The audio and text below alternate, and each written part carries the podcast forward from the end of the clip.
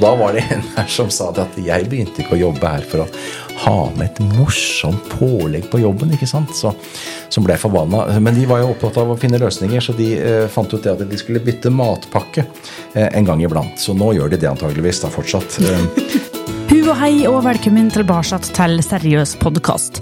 Dette er en podkast der jeg, Helle Therese Kongsrud, prater med folk som er tilknytta seriøst firma om smått og stort, viktig og uviktig. I denne episoden er det tidligere journalist og medieleder, nå rådgiver, forfatter og foredragsholder Per Henrik Stenstrøm som kommer innom. Han er akkurat nå ute på en turné med foredraget 'Idiotene på jobben', og òg mange av oss som egentlig jobber med idioter. Det skal vi prate mer om i løpet av den neste lille timen. Så len deg tilbake, slapp av, og så håper jeg du trykker på abonner der du hører på podkast, for å få alle nye episoder rett inn i spilleren din. Dette er en podkast produsert av Seriøst firma.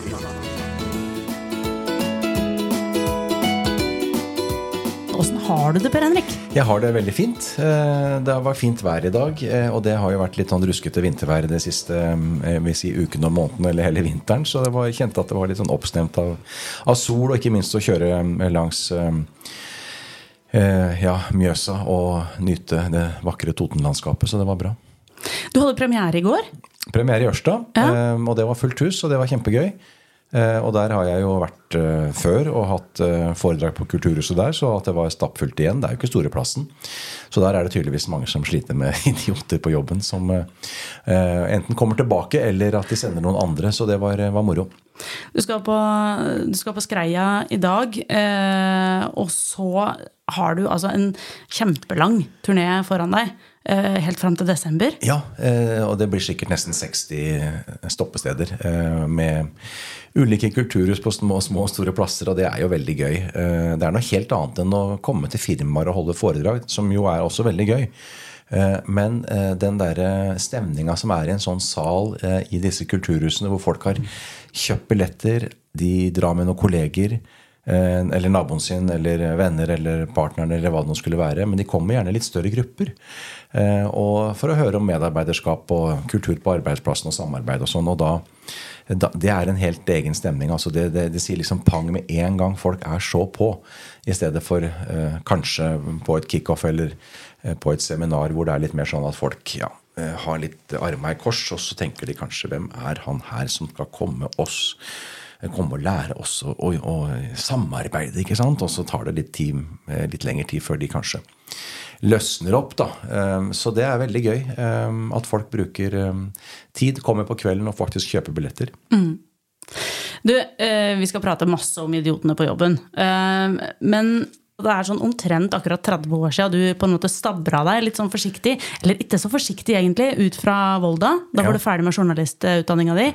Bam! Rett inn i Dagsrevyen. Eh, Og det var på en tid da det var ikke så lett å komme seg rett inn i Dagsrevyen. Nei, det var veldig vanskelig, eh, og derfor var det litt gøy å være i Ørsta i går. For jeg gikk jo i Volda, som du sier, eh, og min første sjef var jo egentlig Arild Riise, som jobber i TV 2 i dag, som de fleste vet hvem er. Ja, da jobba han i Dagsrevyen, og han var litt sånn praksislærer. Han eh, og underviste litt sånn på si, eller han kom opp på skolen og hadde litt TV-sendinger med oss, og så syns jeg jo det var veldig spennende. Fantastisk leder. Eh, Og han fiksa meg, eller jeg fikk lov til å mm, komme i eh, praksis i Dagsrevyen, og jeg fikk sommerjobb i Dagsrevyen. Eh, Så det, det ble, ble noen sånne fine måneder. Da. Men så møtte jeg en annen fyr da, som hadde lyst til å ha meg over en riksdekkende kommersiell radiostasjon. Så da ble det plutselig veldig sånn kort opphold, de Dagsrevy-greiene. Egentlig så var historien eh, som følger at jeg skulle ha lån og hadde kjøpt hus. Eh, og den gangen så fikk man ikke noe lån hvis man ikke hadde fast jobb. Og sånne tremånedersvikariat som man fikk i NRK, eh, det var ikke godt nok. Da sa banken bare nei, nei. Eh, Så planen var eh, å fortsette i Dagsrevyen, og det var avtalen med Dagsrevy-sjefen at jeg skulle dra til banken, eller få denne jobben i P4 først, da, eh, og få en fast jobb. eh, Gå i banken, eh, få det lånet, og så si opp, og så komme tilbake til Dagsrevyen. Men så var det så gøy i P4. Og så fantastisk leder der også. Og det er jo litt av det jeg snakker om. da. Disse menneskene som betyr noe for en på arbeidsplassen. Og han eh, P4-sjefen, han ble jo en sånn ja, figur som jeg har Eller en, en, en, si, en viktig person i mitt liv som jeg har blitt med på eh, mye seinere også. Så, så, det er den historien inn av, Dagsrevyen og ut av Dagsrevyen, faktisk. Og så var radioeventyret i gang? Da var radioeventyret i gang, og du har jo jobba med radiohellet. Og det er jo litt sånn narkotika. altså det er sånn, Når du får det inn i kroppen, så blir du litt avhengig av det. Eh, så jeg hadde jo tatt en TV-utdanning og tenkte at radio var litt sånn det var litt sånn mindreverdig. Eh, det var ikke noe så kult. Men så var det det å starte denne radiokanalen fra scratch, da, fordi det var jo et prosjekt ingen trodde på.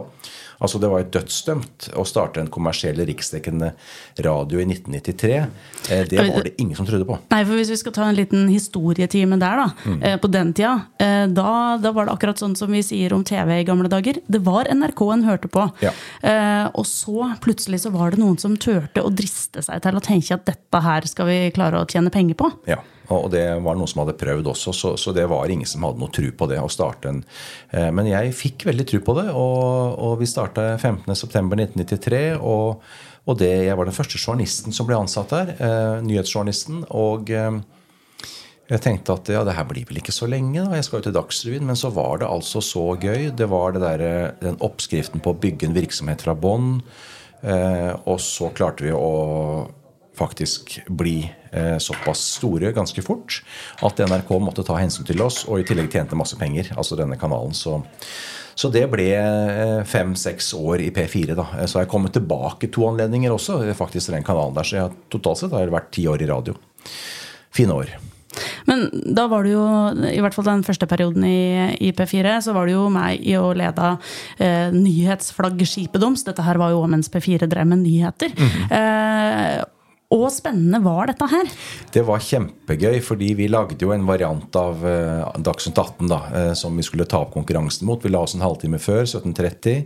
Uh, og vi uh, fikk jo da veldig ofte de gjestene som havna i Dagsnytt 18. Så vi var liksom litt før, og så var vi litt mer rampete, litt mer folkelig, litt frekkere. var oppskriften da, Og så skulle vi komprimere det litt, så ikke det var så streik da, som Dagsnytt 18 kanskje oppleves som.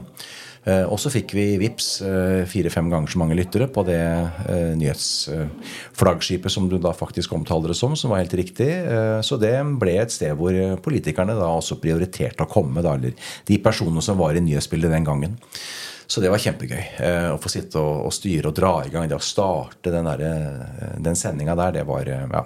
Å starte med blanke ark hver eneste dag. Ikke vite hva du skulle snakke om eller hvem du skulle ha på lufta, men det var liksom å speile det ikke speile nyhetsbildet, men litt speile nyhetsbildet og sette litt dagsorden sjøl også.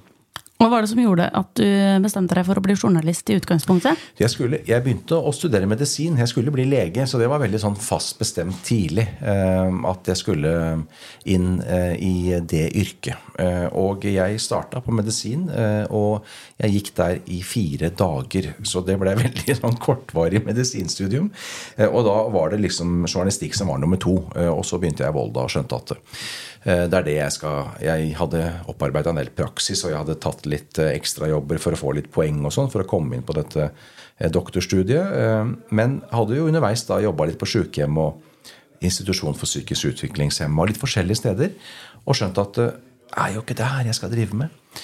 Så da ble det journalistikk i stedet, og jeg har ikke angra på det. Men jeg jobba mye med, med helsejournalistikk, da, så jeg har liksom fortsatt uh, hatt Eller jeg hadde en sånn interesse for fagområdet i, i, veldig i mange år. Jeg sier jo til ungene mine at jeg er lege, da. Det er litt, litt lege. Uh, nok til å gi noen vurderinger nå, da. Men fire dager er ikke nok til å praktisere, visstnok. Men altså, du har allerede nevnt om at du, har, du bytta en del og var innom at P4 faktisk tre ganger. Men, eh, Og så har du vært innom i TV 2, du har vært innom i TV3 og TV Norge. Men jeg har litt lyst til å prate litt mer om den perioden da du jobba i Vi Menn og Se og Hør. Ja. eh, for da var, det, da var det en annen side av deg du fikk vist fram, kanskje? Ja, og det var eh, start, For å starte med Vi Menn, så var jo det at jeg hadde jobba med krimjournalistikk i flere år da, og har eh, hadde jo da eh, vært programleder for Etterlys på TV3, som jo var det første eh, sånn ordentlige kriminalmagasinet i Norge. Eh, hvor vi forsøkte å fange forbrytere da, ved hjelp av politiet. Og, og, det var jo min sjef fra P4. Han ble sjef for TV3, og da sa han at nå må du komme hit, og så skal vi fange kjeltringer. Og jeg tenkte jo at ja, men det blir gøy. Får jeg kanskje politiuniform? Men det fikk jeg ikke. Jeg måtte stå på lufta, og vi lagde Etterlyst, som jo da var Litt banebrytende, vil jeg si. Eh, og for alle som er under 40 år, sant, så vet man jo at det er det samme som Åsted Norge i dag. da. Um, og, og det var, eh, så det var en sånn erfaring innenfor krimjournalistikken. Og så blei det også til fornemmelse for mord på TV Norge. Der gjorde vi noe rart. Der bytta vi ut politiet med klarsynte mennesker. Uh, og det, det gikk jo ikke så bra. Vi fant ikke så mange drapsmenn. Men det ble kanskje den største sånn seersuksessen jeg jobba med. Så, så, det var gøy. Men jeg hadde ikke noe veldig tru på at de klarsynte Men det var gøy å lage det TV-programmet. Eh, og så eh, ble den der krimjournalistikken et sånt step videre inn i print, skal vi si, krimjournalistikken. da, Og da eh, skrev jeg veldig mye for Vi Menn, og så ble jeg redaksjonssjef der.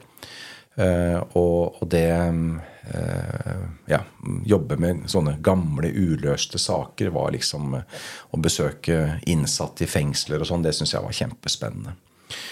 Så møtte jeg hun som er kona mi nå, som er fra Toten. fra Eh, hun jobba i, i Vimen, så det ble jo et ekteskap ut av det, og et par barn. Så det var også en fin tid. Og så begynte jeg i Se og Hør. Og da var det krimjournalistikken mens Se og Hør var på det største. Da var jo da virkelig opplagstallene var helt i toppen. Og da var jo krimjournalistikken også en sånn viktig bestanddel i den der oppskriften der. Så jeg leda det krimarbeidet i, i Se og Hør, som jo var et rart sted å jobbe, men er kanskje noe av det mest eh, hva skal jeg si, sånn sammenspleisa og kanskje eh, det arbeidsmiljøet som har vært best på, kanskje, å mm, få til det derre som handler om eh, ja, kultur og medarbeiderskap og rett og slett eh, Eh, få det beste ut av folk. Da. Eh, og det handler nok litt om at man så, var så utskjelt. altså Det var så mye hat rundt der. og Du kunne jo ikke fortelle hvor du jobba i selskapslivet hvis ikke du var i veldig godt humør. liksom, Eller kjente at du var veldig overpå.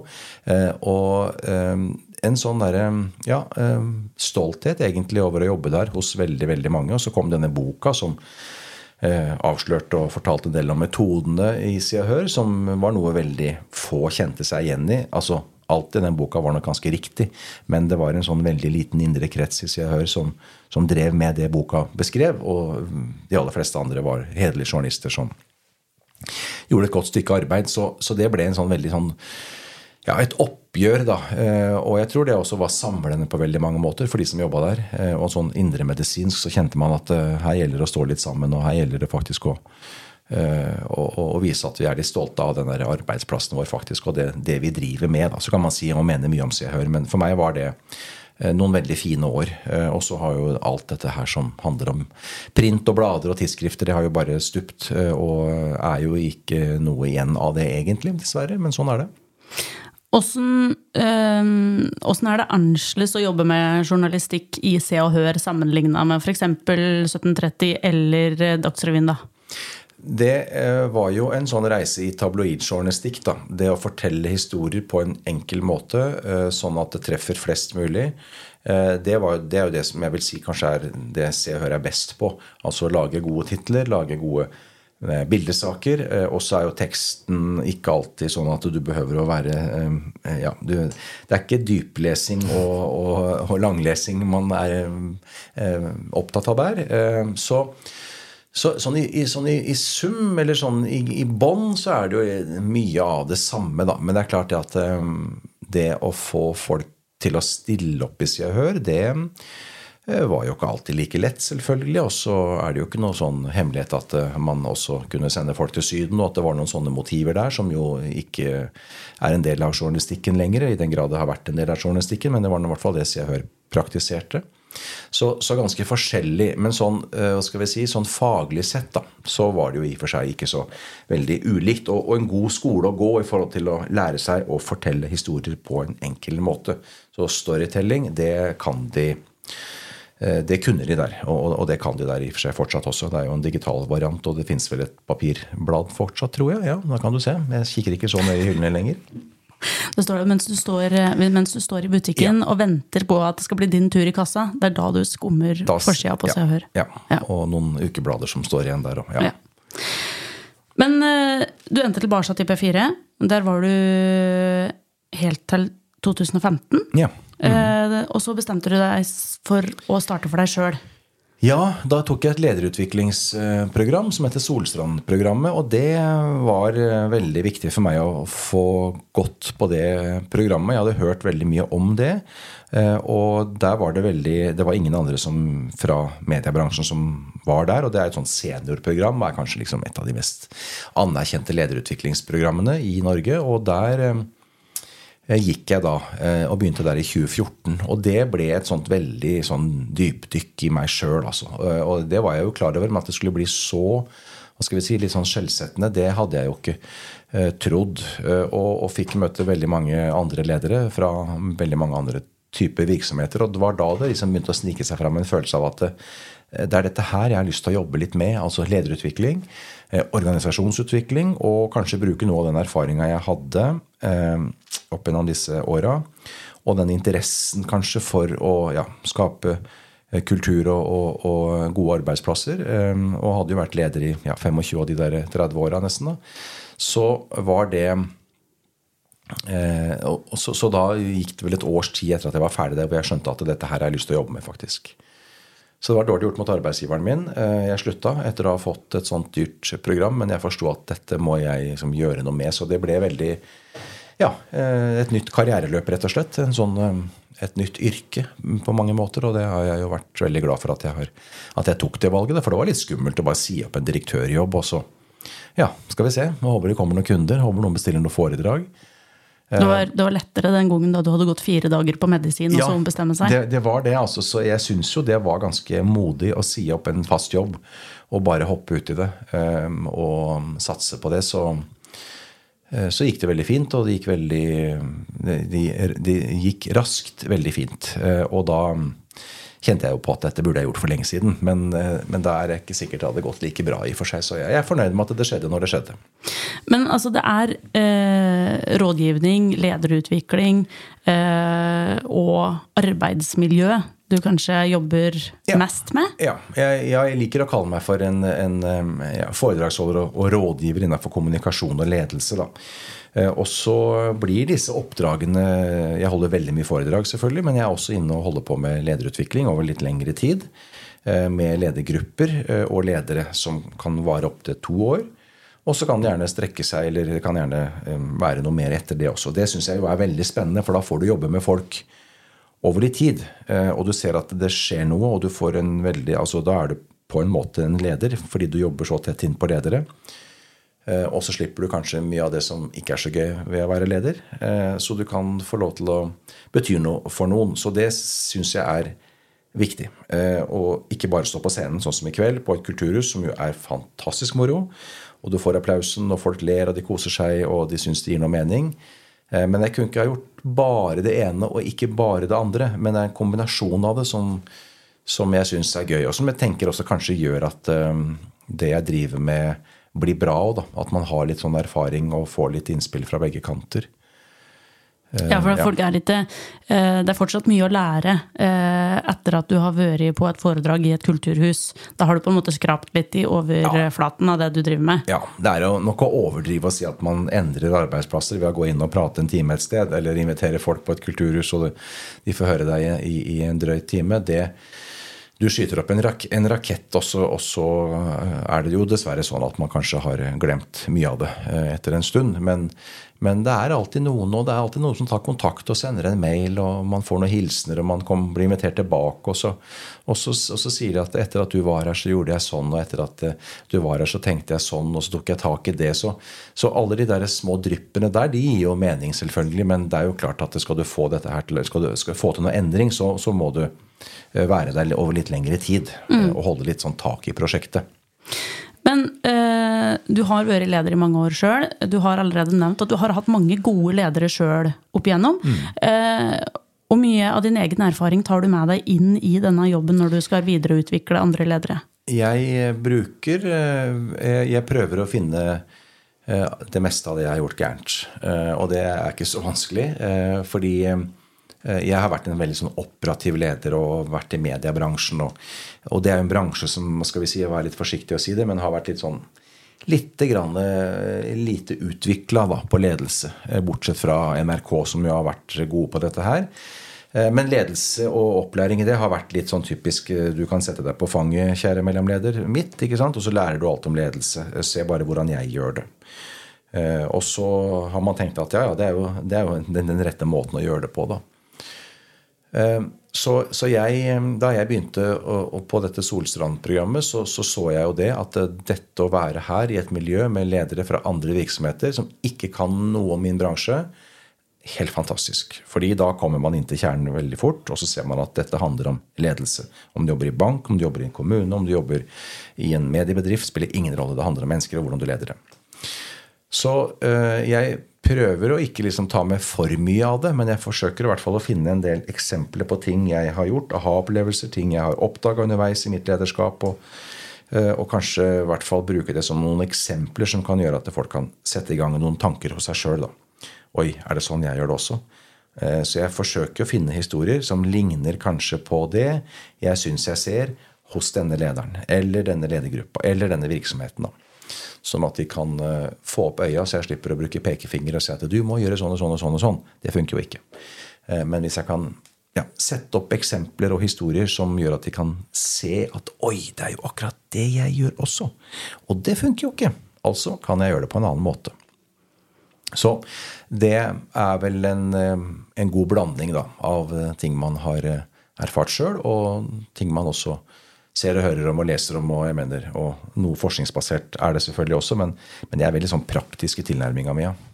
Men hvordan, altså, Går det an å nevne noen eksempler på noen Jeg bruker sånne uh, klammer nå. Uh, mm. Hva er det det heter for noe? Gåse, gåseøyne. Mm. Uh, som mange ledere på en måte gjør feil.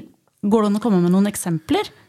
Ehm, jeg tror at veldig mange ledere er veldig eh, opptatt av eh, å bruke tid på de medarbeiderne som er sånn som de sjøl. Altså, det er kjempegøy. Altså, de, lederne, de, de, medarbeiderne som er sånn som meg sjøl, de er ganske lette å lede. Og det er gøy å oppholde seg med dem. De flinke folka er det også lett å Um, bruke tid på. Um, for det er jo kjempegøy å henge i hæla på dem. Enda de trenger jo ikke noe redelse, antageligvis, for de er jo toppmotiverte fra før. Så egentlig er det oppgaven å holde seg unna dem. Og så er det alle de der medarbeiderne som ikke er sånn som deg sjøl, som oppleves som litt vanskelige. Som kanskje leverer på et litt sånt middelmådig nivå. Uh, uh, og som man tenker at de får jeg ikke gjort noe med. Og så vet vi det at det er jo der antageligvis du kan få utretta mest, ved at du kan løfte litt på de som kanskje du oppfatter som litt sånn jevne, middelmådige, gjennomsnittlige, for å bruke et eh, ord. Eh, så jeg tror at veldig mange ledere hvis du sier, peker på en feil, hadde fått veldig mye mer glede ut av medarbeiderne sine ved å bruke litt mer tid på de eh, som er litt sånne i midten. Litt de der jevne grå, for å bruke et uh, rart ord. I stedet for å bruke så mye tid på de som er flinke, og kanskje også bruke en del tid på de som er helt, helt, helt håpløse. Og de bruker man kanskje altfor mye tid på, for man setter ikke noe frister, og man får dem ikke ut. Men de der i midten, som det er flest, da, mm. jeg bruker litt mer tid på dem, det tror jeg er en sånn ja, og det, og det, er jo i og for seg Eh, krevende, det. Eh, men det er klart at det er så lite som skal til. da, For hvis du får 20 medarbeidere til å levere litt bedre, så blir det i sum ganske gode resultater av det. Når du følger opp bedrifter sånn over lang tid, eh, er det sånn at du på en måte, når du går ut derifra, så ser du en merkbar forskjell fra da du kom første gangen? Ja, det er jo klart at det, dette skal man jo fort bli sånn blind på. og Man kan jo fort bli litt eh, sånn selvbekreftende på det. At man tenker at ja, ja, det fikk vi gjort og det og det, og det funka som ei kule. Og så ringer de tilbake etter et halvt år, og nå, nå går det gærent igjen. Altså, så eh, jeg, jeg, prøver å være litt sånn forsiktig med det. Da, men dette går det jo an å måle. Eh, og så er de målingene også litt sånn ja, vi er enige om at det går bedre her nå, er vi ikke det heller? Eh, jo, jo, ikke sant. Eh, da vi begynte, var det fire. Nå er det åtte. Eh, så, så er det en sånn følelse som man tenker at skal bekrefte at nå har vi gjort noe som har forbedra arbeidsmiljøet. Da. Så, så det er litt upresist, det også. Men jeg syns jo, og jeg forsøker å love når jeg kommer inn et sted og skal jobbe med organisasjonsutvikling eller lederutvikling, at vi, vi skal vi, vi ønsker at det skal kunne måles også på, på bunnlinja. Da, at det skal bli noe mer penger av det. Og det er jo ikke så enkelt i offentlige virksomheter, men jeg jobber mest med private.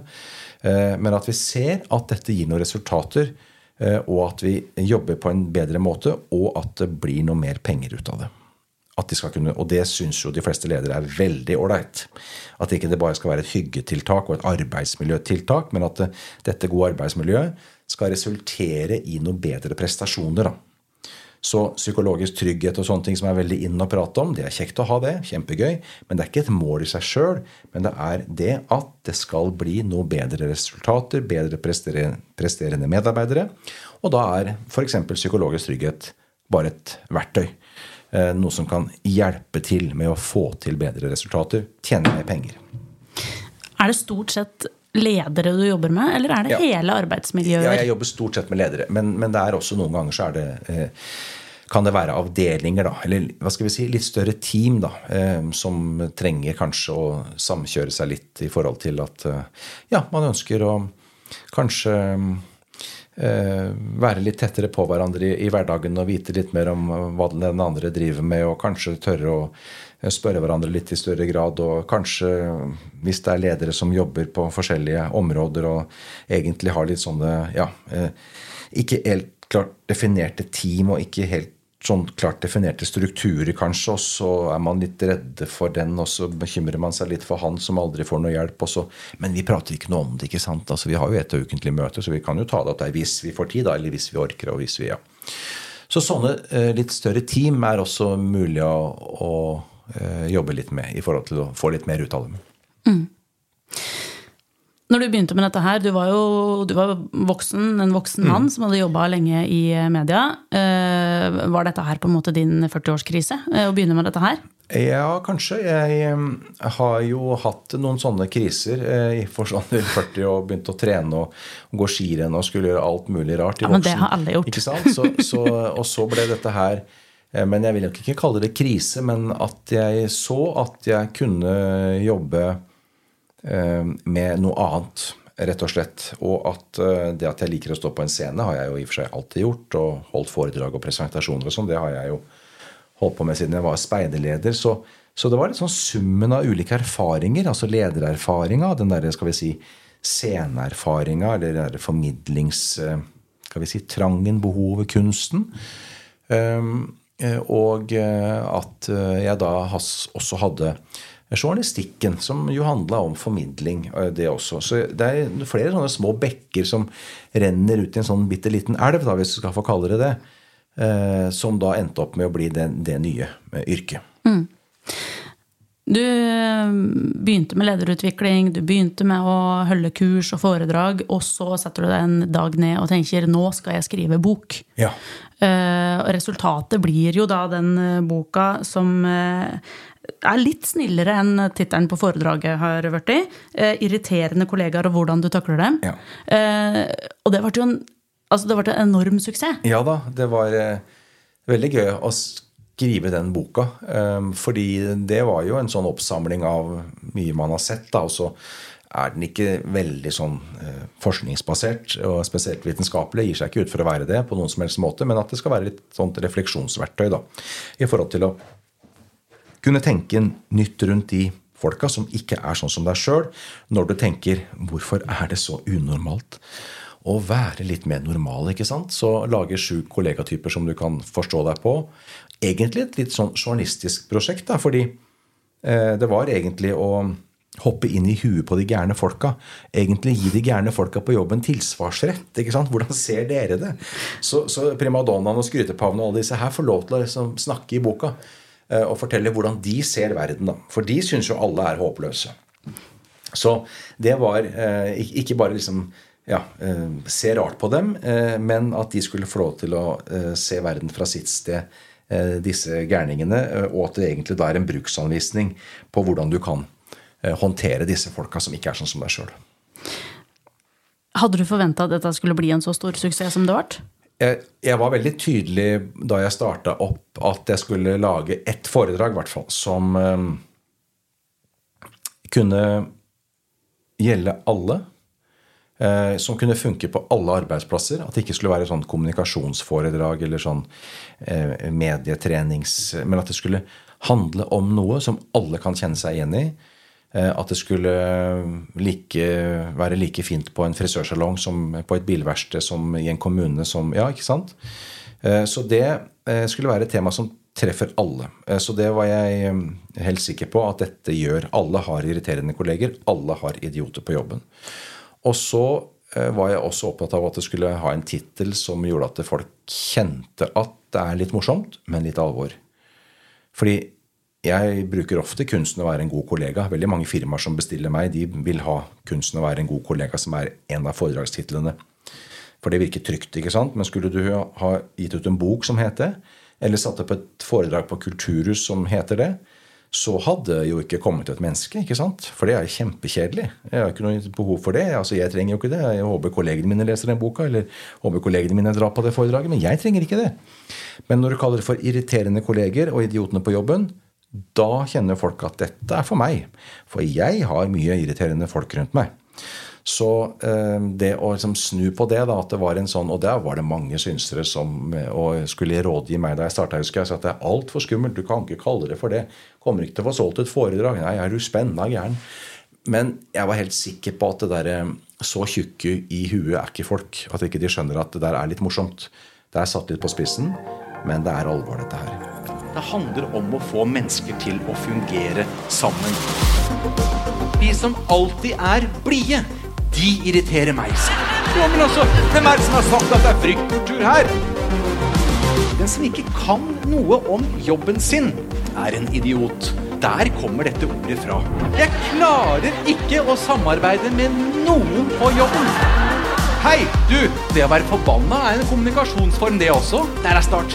Der er mål. Det er bare å sette i gang. Jeg har ikke begynt her for å ha med et morsomt pålegg på jobben. Det er jo du sitter og smiler litt, ja, du òg. Ja, det er morsomt å høre folk ler og sånn, ikke minst. Men uh, bare, hva, hva, er dette her? Jeg har ikke begynt her for å ha med et morsomt pålegg Nei, det, på jobben. Kan du forklare det, det litt? Jeg forteller jo en historie om det, da, fordi det er den derre superoptimisten som uh, alltid vil eh, finne på noe på jobben eh, for å skape god stemning. Eh, og det var en arbeidsplass hvor det var en som hadde foreslått at de skulle begynne å ha med seg et morsomt pålegg på jobben på fredager.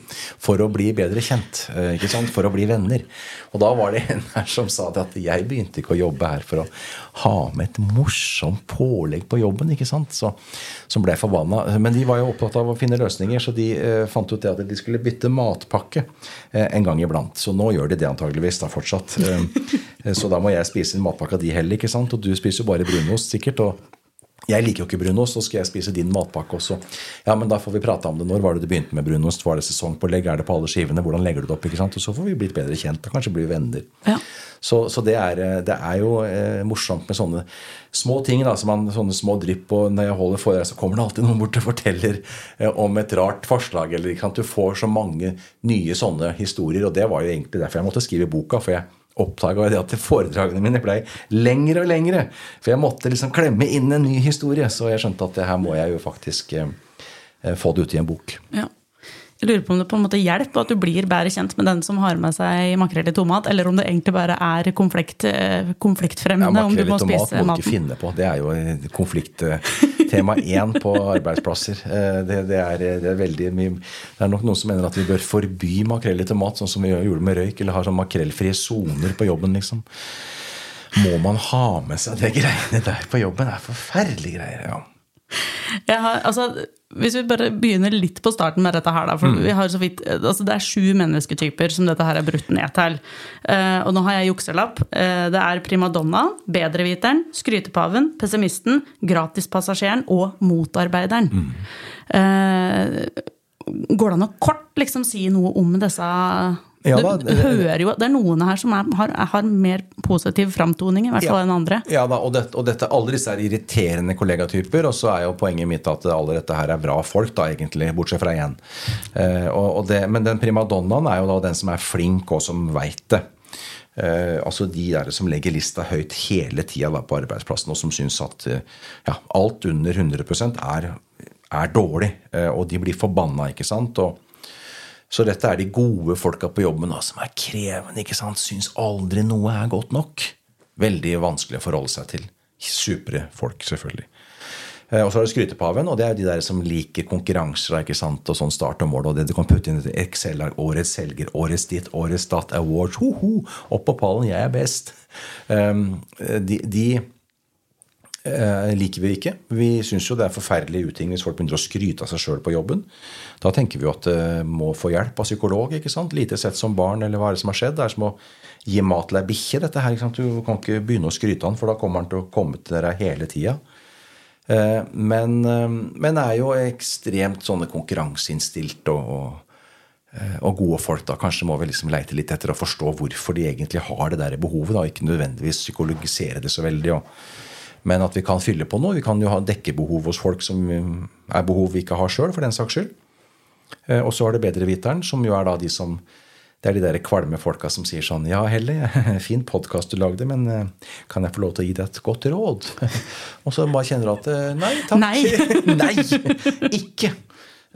Så, men vi skal jo være i et sånt lærende modus, da, alle som jobber et sted. Det er jo det som er Så vi må jo ta imot den der medreviteren. De kan jo antageligvis noe, de er ganske flinke, og de elsker jo å dele og, og drive med voksenopplæring, da. Eh, Og så har du den der superoptimisten som er den som er glad å bli hele tida, som jo er den der med pålegg, ikke sant, og skal vi ikke finne på noe hyttetur? Rekker vi tre-fire hytteturer før jul nå? Er før sommeren, folkens, ikke sant? Sånn, og må finne på noe, vet du, og bli venner, og steke vafler på fredagene, og det blir bråk, vet du, for folk blir forbanna på dette styret med å dra hit og dit og gjøre så mye greier på fritida og på Nei, så så det der er jo en sånn elskverdig kollega som bare holder på, men som kanskje ikke jobber så mye, da. Kanskje ikke liksom ja, er veldig gøy med alt mulig annet som er sånn utapå. Um, så det blir irriterende, men, men prosjektet er jo i og for seg edelt. Um, og så er det pessimisten som er litt den der motsatsen, da, som elsker å prate om ting som er vanskelig. da, Elsker å prate om feil. ikke sant, Kommer inn Du skal jo kjenne at du har litt strøm på batteriet når du møter den der kollegaen der om morgenen som, som vil prate om noe som kan gå gærent. ikke sant, og du bare, åh nei, og der står den, oh, jeg går under, jeg later som jeg ikke er her. Uh, Så det er jo en, en veldig nyttig kollega som, eh, som har på seg mørke briller hele tida. Og det er jo nyttig fordi du slipper å tenke på det sjøl. Du har jo en som alltid eh, har tenkt det før deg.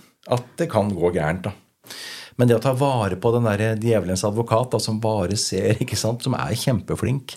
Og så er det motarbeideren som jo ligner litt, da, men det er jo de der som står ved kaffeautomaten, og alt er gærent og hele tida og ja driver den der fagforeningen, motarbeidernes fagforening, som koser med misnøye, og som er eh, veldig, veldig sånn eh, tung. Og vi er jo så høflige i Norge, ikke sant. Vi står jo og tar imot dette her, vet du.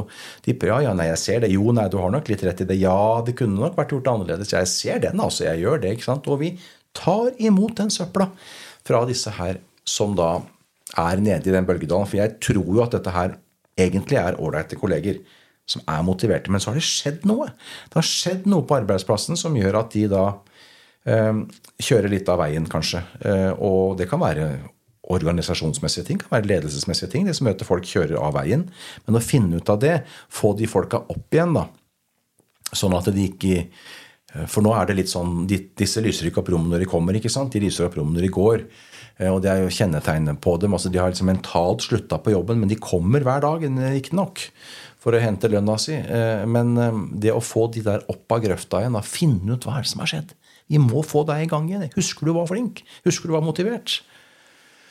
Så kan det bli en god kollega. Jeg tror det. Og det er jo ikke bare, og mange tenker jo at det er en lederoppgave. Det er de som er ansatte, gjerne folka. Men det er jo ikke det. Det er jo et delt ansvar. Det er jo et, like mye et kollegaansvar da, å ta eh, tak i det. Og så er det den siste som er gratispassasjeren, og det er jo de som da later som de har mye å gjøre bestandig. ikke sant? Og som jeg er sånn travel. Jeg er sånn Sier ja til alt. vet du, Får ikke gjort alt. Og så vet vi at det stemmer ikke, for du sier ja til alt, men du får ikke gjort en dritt. Og så blir det konflikt, og så blir vi forbanna. Så det er den eneste som er ubrukelig, egentlig, fordi de sniker seg Og det er sånn tenåringer på hjemmebane ikke sant, som bare slipper alt ned. Der er trusa, sokka, buksa, skjorta. Og så veit jeg at mutter'n og fatter'n rydder opp. Det er bra folk som jobber i huset her. Det hender det ligger et par dager og at noen kjefter, men, men det blir borte. Det er fantastisk. Og har du det sånn på jobben, så er det klart, da har du det fint, da. Hvis folk alltid rydder opp etter deg, gjør jobben du skulle ha gjort. Ingen oppdager det, bortsett fra kollegene. Så da er du ikke med i det der tautrekkingslaget, da. Så det er de sju typene, sånn litt kort fortalt. Men hvor flinke er vi til å kjenne at dette her, og kanskje hvilken type vi er sjøl? Veldig dårlig. Veldig, veldig dårlig. Og kommer, kommer, folk kommer alltid bort etterpå, og jeg gjør litt sånne øvelser, da, for jeg holder på litt med workshoper, og ikke bare sånn inn og ut, men at vi holder på i tre-fire timer, kanskje. Og da får de oppgave å finne ut på hvilken måte er du eh, Kan du oppfattes som irriterende? Ikke sant? Og det syns folk er vanskelig. Det er kjempevanskelig. Eh, og da nytter det jo ikke bare å tenke sjøl, da. Og da sier jo alle sånn Jeg er litt av alle, jeg. Jeg er litt av alle typene. Jeg er ikke så veldig interessert i hva du er. Du må finne ut av det. Du må spørre en kollega. Og de svarer jo sjelden Ja, nei, jeg tror du er litt av alle, Helle. De svarer jo Du er den. Eller du er den. Og nå vi, har vi på oss morsomme briller, altså, så vi leker med dette her. Og det er ikke så veldig alvorlig. Men det er veldig sjelden de sier sånn Du er den, du er den, du er den. De putter deg veldig fort i en boks. Du er mest det, i hvert fall. Mm. Hvis jeg skal være ærlig. ikke sant? Og hva vil jeg se litt mer av hos deg, og hva vil jeg se litt mindre av hos deg? Jeg opplever at du er litt sånn I møter så er du veldig sånn derre Ja, det er sånn Ja, rett og slett litt sånn bedreviter, altså.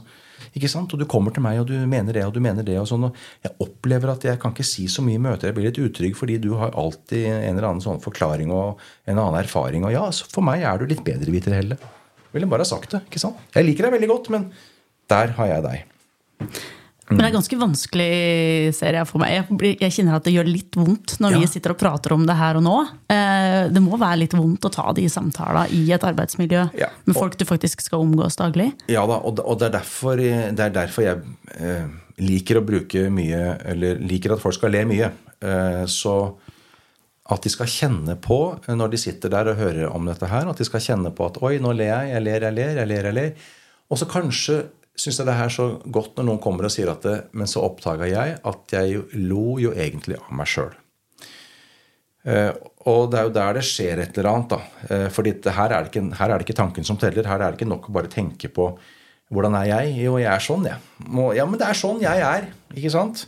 Ja vel. Eh, får du gjort noe med det, liksom? Nei, jeg tror ikke jeg får gjort så mye med det. altså. Jo, det tror jeg du må, fordi hvis du er profesjonell, så må du kunne skru på noen knapper. Det er ikke sikkert alt skal fikses ved det som kanskje er irriterende med deg, men vi vil ha et optimalt samarbeid så bra som mulig her på jobben, i avdelingen. Og da må du få vite at vi kanskje oppfatter deg som en som kanskje avbryter veldig ofte. Du er veldig Du avbryter veldig. Ja, det kjenner jeg meg igjen i. Jeg er så ivrig, vet du. Ja, skjønner det. Men du avbryter oss hele tida. Det kan vi fikse. Hvordan gjør vi det? Nei, jeg skal jobbe med det. Nei, vi skal ikke jobbe, vi skal sette en frist for det nå. Du må holde kjeft. Det er veldig lett å stoppe og avbryte. Det er bare å lukke munnen. ikke sant? Så kan vi ha litt sånne Og da er jeg opptatt av at litt sånne kontrakter som er litt sånn uformelle og litt morsomt. At vi må kunne le litt av det eh, og ta det med det gode. Og også være opptatt av at det at du avbryter mye, det har jo også en sånn positiv forside av medaljen. Da, det er at du er veldig ivrig, engasjert, ekstremt på. ikke sant? Men, men vi må få slippe til, vi andre også, da. Så det skal ikke være så veldig sånn merkelapper, eh, bokstaver, eh, personlighetstesta 'sånn er du', men at vi kan liksom få lov til å tre litt inn i de typene som vi vil. Eh, Men huske på at fasiten om deg sjøl, den sitter du ikke på aleine. Det er det de andre rundt deg, hvordan de oppfatter deg, det er liksom totalbildet, og det er det som er fasiten. da. Så det er jo mulig å sitte der til du er 67 år ikke sant? og ikke ha ofra deg en tanke på hvordan du virker på de du jobber sammen med. Og så er det marsipankake siste dagen, og, og der sitter du, og det er noen taler, ikke sant? og sjefen kommer, og noen kolleger skal si et par ord, og så tenker du jøsse navn, er det sånn de har oppfatta meg? Ja ja, nå er det for seint. I morgen kommer jeg ikke. Så å starte det innhøstingsarbeidet litt før, da, det er jo mulig å være litt nysgjerrig på det. Hvordan jeg virker på de jeg jobber sammen med. Det kan jo være veldig slitsomt med en arbeidsplass der alle skal være 110 seg sjæl òg. Ja, det tror jeg ikke er eh, Det tror jeg er veldig slitsomt, ja. Ehm, Og det er litt sånn Hvis du har bestilt en rørlegger og en snekker og en elektriker til å pusse opp hjemme, og de ikke samarbeider, da. Ehm, La oss si det. Nei, Han er så håpløs, han rørleggeren. Jeg er stole på. Han sitter og røyker, er ute hele tida. Jeg, jeg, jeg gidder ikke, jeg tar ikke tak i det der. Ikke sant? Og så kommer du hjem, og så er klokka fire, og så Hva har dere gjort i dag, da? Nei, vi er, det går litt trått her, ikke sant? Ja. ja, men jeg betaler dere for to dager. Har dere ikke begynt? Nei, men du må nok betale for en dag til, for vi må liksom komme Nei, jeg gjør ikke det. Dere må samarbeide. Jeg spiller ikke opptatt av hva, men dette skal løses i fellesskap, da. Så, og det er jo litt sånn på en arbeidsplass da, at uh, vi må jo finne ut av dette her og løse de oppgavene. Da. Arbeidsgiverne våre fortjener jo det, tenker jeg da at vi Og da må du samarbeide med alle, da, ikke bare den der fanklubben din. Og de aller fleste har jo noen, og jeg vet jo det, ikke sant? for de kommer bort etterpå og skal snakke, og alle har en fanklubb på jobben. De jeg liker å jobbe med. Men så er det de andre. Og de holder jeg meg unna. Samarbeid med folk som er sånn som deg sjøl, er jo ikke noe vanskelig. Det er jo verdens enkleste sak det er gøy, det. Det er jo det som får deg til å gå på jobb. Det er jo energi. Og så er det å samarbeide med de folka som ikke er sånn som meg. Det er ikke vanskelig. Det er umulig. Og så lar vi være. Mm. Og så er det bare det lille poenget at arbeidsgiveren vår har jo betalt oss da for å samarbeide med alle. Ikke sant? Ikke bare noen. Alle. Og det er jo noe vi fort glemmer. Privat gjør vi jo akkurat som vi vil. Mm. Vi er sammen med de menneskene vi liker. Men på jobb så har vi de kollegene vi har. Jeg skulle hatt noen andre kolleger, tenker jeg. Kan det hende at det hadde Altså hvis, hvis vi hadde vært mer opptatt av dette her, da, og vært mer bevisst på det, at vi rett og slett hadde fått det litt artigere òg, kanskje? I den store helheten? Ja. Um, og så er det jo noe med det der å nærme seg Jeg oppfordrer jo folk til å ta kontakt da med en kollega som du har lite med å gjøre. Som du er litt uh, skeptisk til, som du er litt redd, som du ikke koble på fordi du har brent deg tidligere, eller hva det nå skulle være. Ikke sånn nødvendigvis dagen etter, for da blir det så opplagt at det blir sånn Hei, heller kan jeg få et ord med deg? ikke sant? Så, Oi, vært på foredrag? Nei, men, men, at det skal være et lite prosjekt for dem da, å nærme seg en motsatt kollega, da kanskje. En irriterende kollega, en du ikke tåler trynet på. Eh, for hvis man gjør det, Kanskje til og med tenker at man er litt sånn forsvarsadvokaten til denne vanskelige personen da, i en arbeidsrettssak. Og nå skal du forsvare vedkommende. Da må jeg skrive alt det positive jeg kommer på om Helle. Og dæven hun Ja, men jeg tenker om, så er det egentlig ganske ålreit. Altså. Så for det der å snu et sånt verdensbilde i sitt eget hode om en person, det er jo, er jo, er jo fantastisk medisin. Det er jo det. Hvis vi klarer liksom å endre oppfatning om en person som vi kanskje har hatt et anstrengt forhold til på jobben, så kjenner vi at det er ganske godt. Det er ganske ålreit. Ja. Har han sagt noe positivt om deg nå, da? Ja, han gjorde det. Jeg liker Jeg har snudd helt, jeg. Jeg liker veldig godt den personen der, ja. Du skal ikke ha vært mange timene i et bryllup før noen sier i en tale Første gangen jeg møtte deg, så tenkte jeg vi kommer aldri til å bli venner. Men se her. Her er vi. Det er jo så gøy å høre sånne historier. Mm. Vi har det derre forutinntatte eh, som står i veien, da, selvfølgelig. Men på jobb så har vi jo ikke lov til det. Nei. Vi er faktisk betalt for å ikke ha det. Ja. ja. Er det uh, er det ett sånn lite tips som du kan gi, som kan liksom være enkelt for, for alle å ta med seg inn i morgendagen på jobb, f.eks.? Jeg syns jo det er et godt råd ja, å plukke seg ut igjen i sitt mm. eget hode. En som du eh, har problemer med. Det bør ikke være store ting. Men den du kanskje samarbeider dårligst med, da, eller har lengst distanse til, eller som du syns det ville vært naturlig at vi var litt tettere på. Jeg blir veldig irritert. Altså, Ha det som et lite prosjekt. Jeg skal prøve å like den personen. Bør ikke være person, bør ikke bli venner eller dra på kino, men kanskje kan det være et sånt lite mål, da.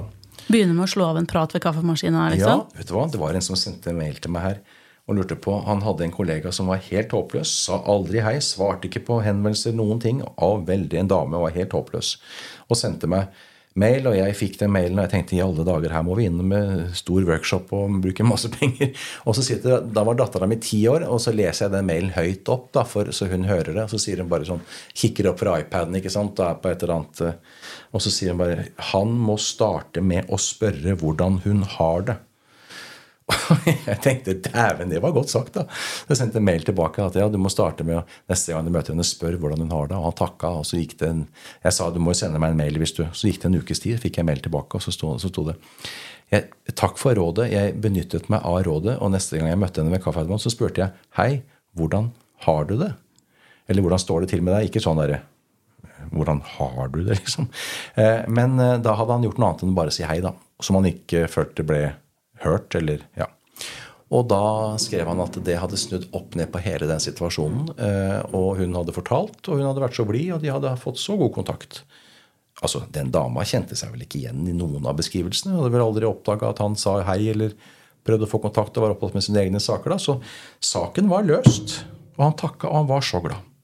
Så tenk på det. Er jo fantastisk. Ja, det, det er er bare bra. mennesker. Det er bare mennesker. Ga du litt eh, konsulenthonorar til Ja, dattera jeg, di? gjorde, jeg, jeg sa til dette her, du må faktisk, dette må du, denne butikken min må du ta over en dag. ikke sant?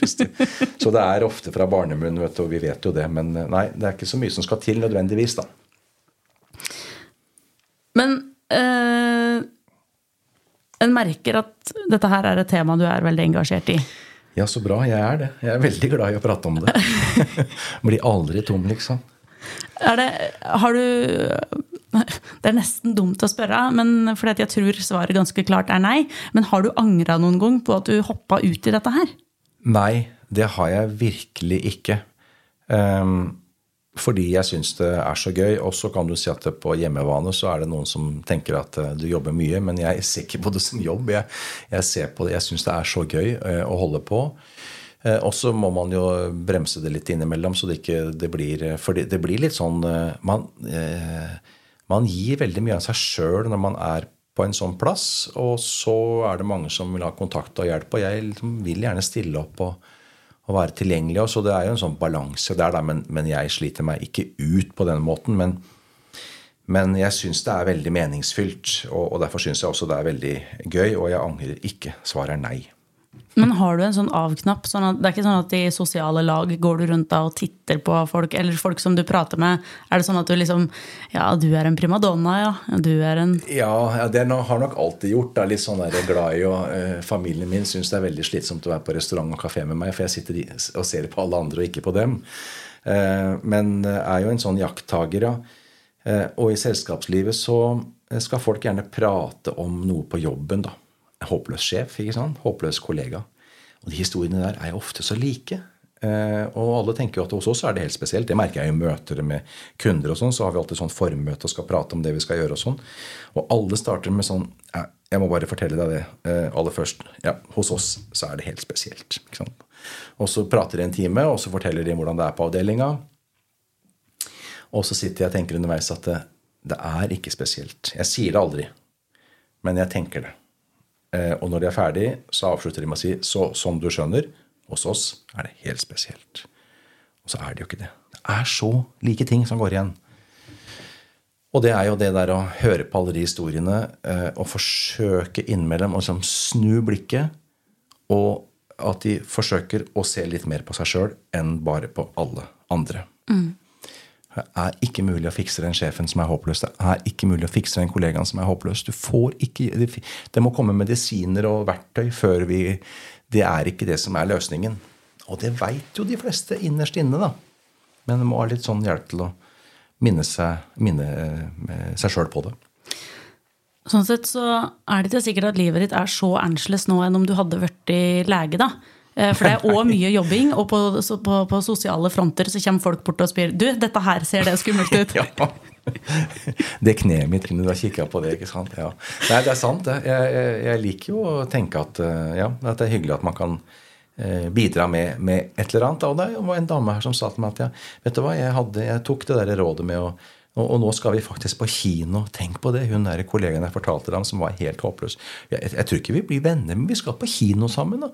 Jeg kjenner jeg blir helt rørt. Jeg blir så grine. ikke sant? Det var så vakkert at det, man har liksom forsøkt bare å tenke at nå skal jeg med min mest irriterende kollega så skal vi to på kino. Dæven, det kommer jo noe godt ut av det. Gjør det. Ja, det er veldig fint. Ja. Det er veldig fint. Du, Per Henrik, eh, nå står du på tur til eh, Skreia. Ja. Og så har du eh, i hvert fall 50 eh, reisesteller til i løpet av året. Mm. Eh, så jeg tror jeg bare sier god tur og lykke til. Tusen hjertelig takk. Takk for at jeg fikk komme. Og så er det jo sånn at eh, hvis en har lyst på litt mer privat tid med Per Henrik enn nødvendigvis å bare se deg på ei scene, eh, så går det an å booke deg inn for at du skal gjøre et dypdykk i bedrifter og sånn. Ja da, det er veldig glad for det. Det er jo noen som kommer og spør kan, kan du komme til bedriftene. våre. jeg tenker at det kulturhusgreiene er, er så annerledes, liksom. Men det er, jo, det, er jo, det er jo bedrifter jeg er hos. Det er det jeg driver med. Dette andre er bare litt sånn ekstra. Ja. Tusen takk for at du kom. Takk for at jeg fikk komme. Dette er en podkast produsert av Seriøst firma.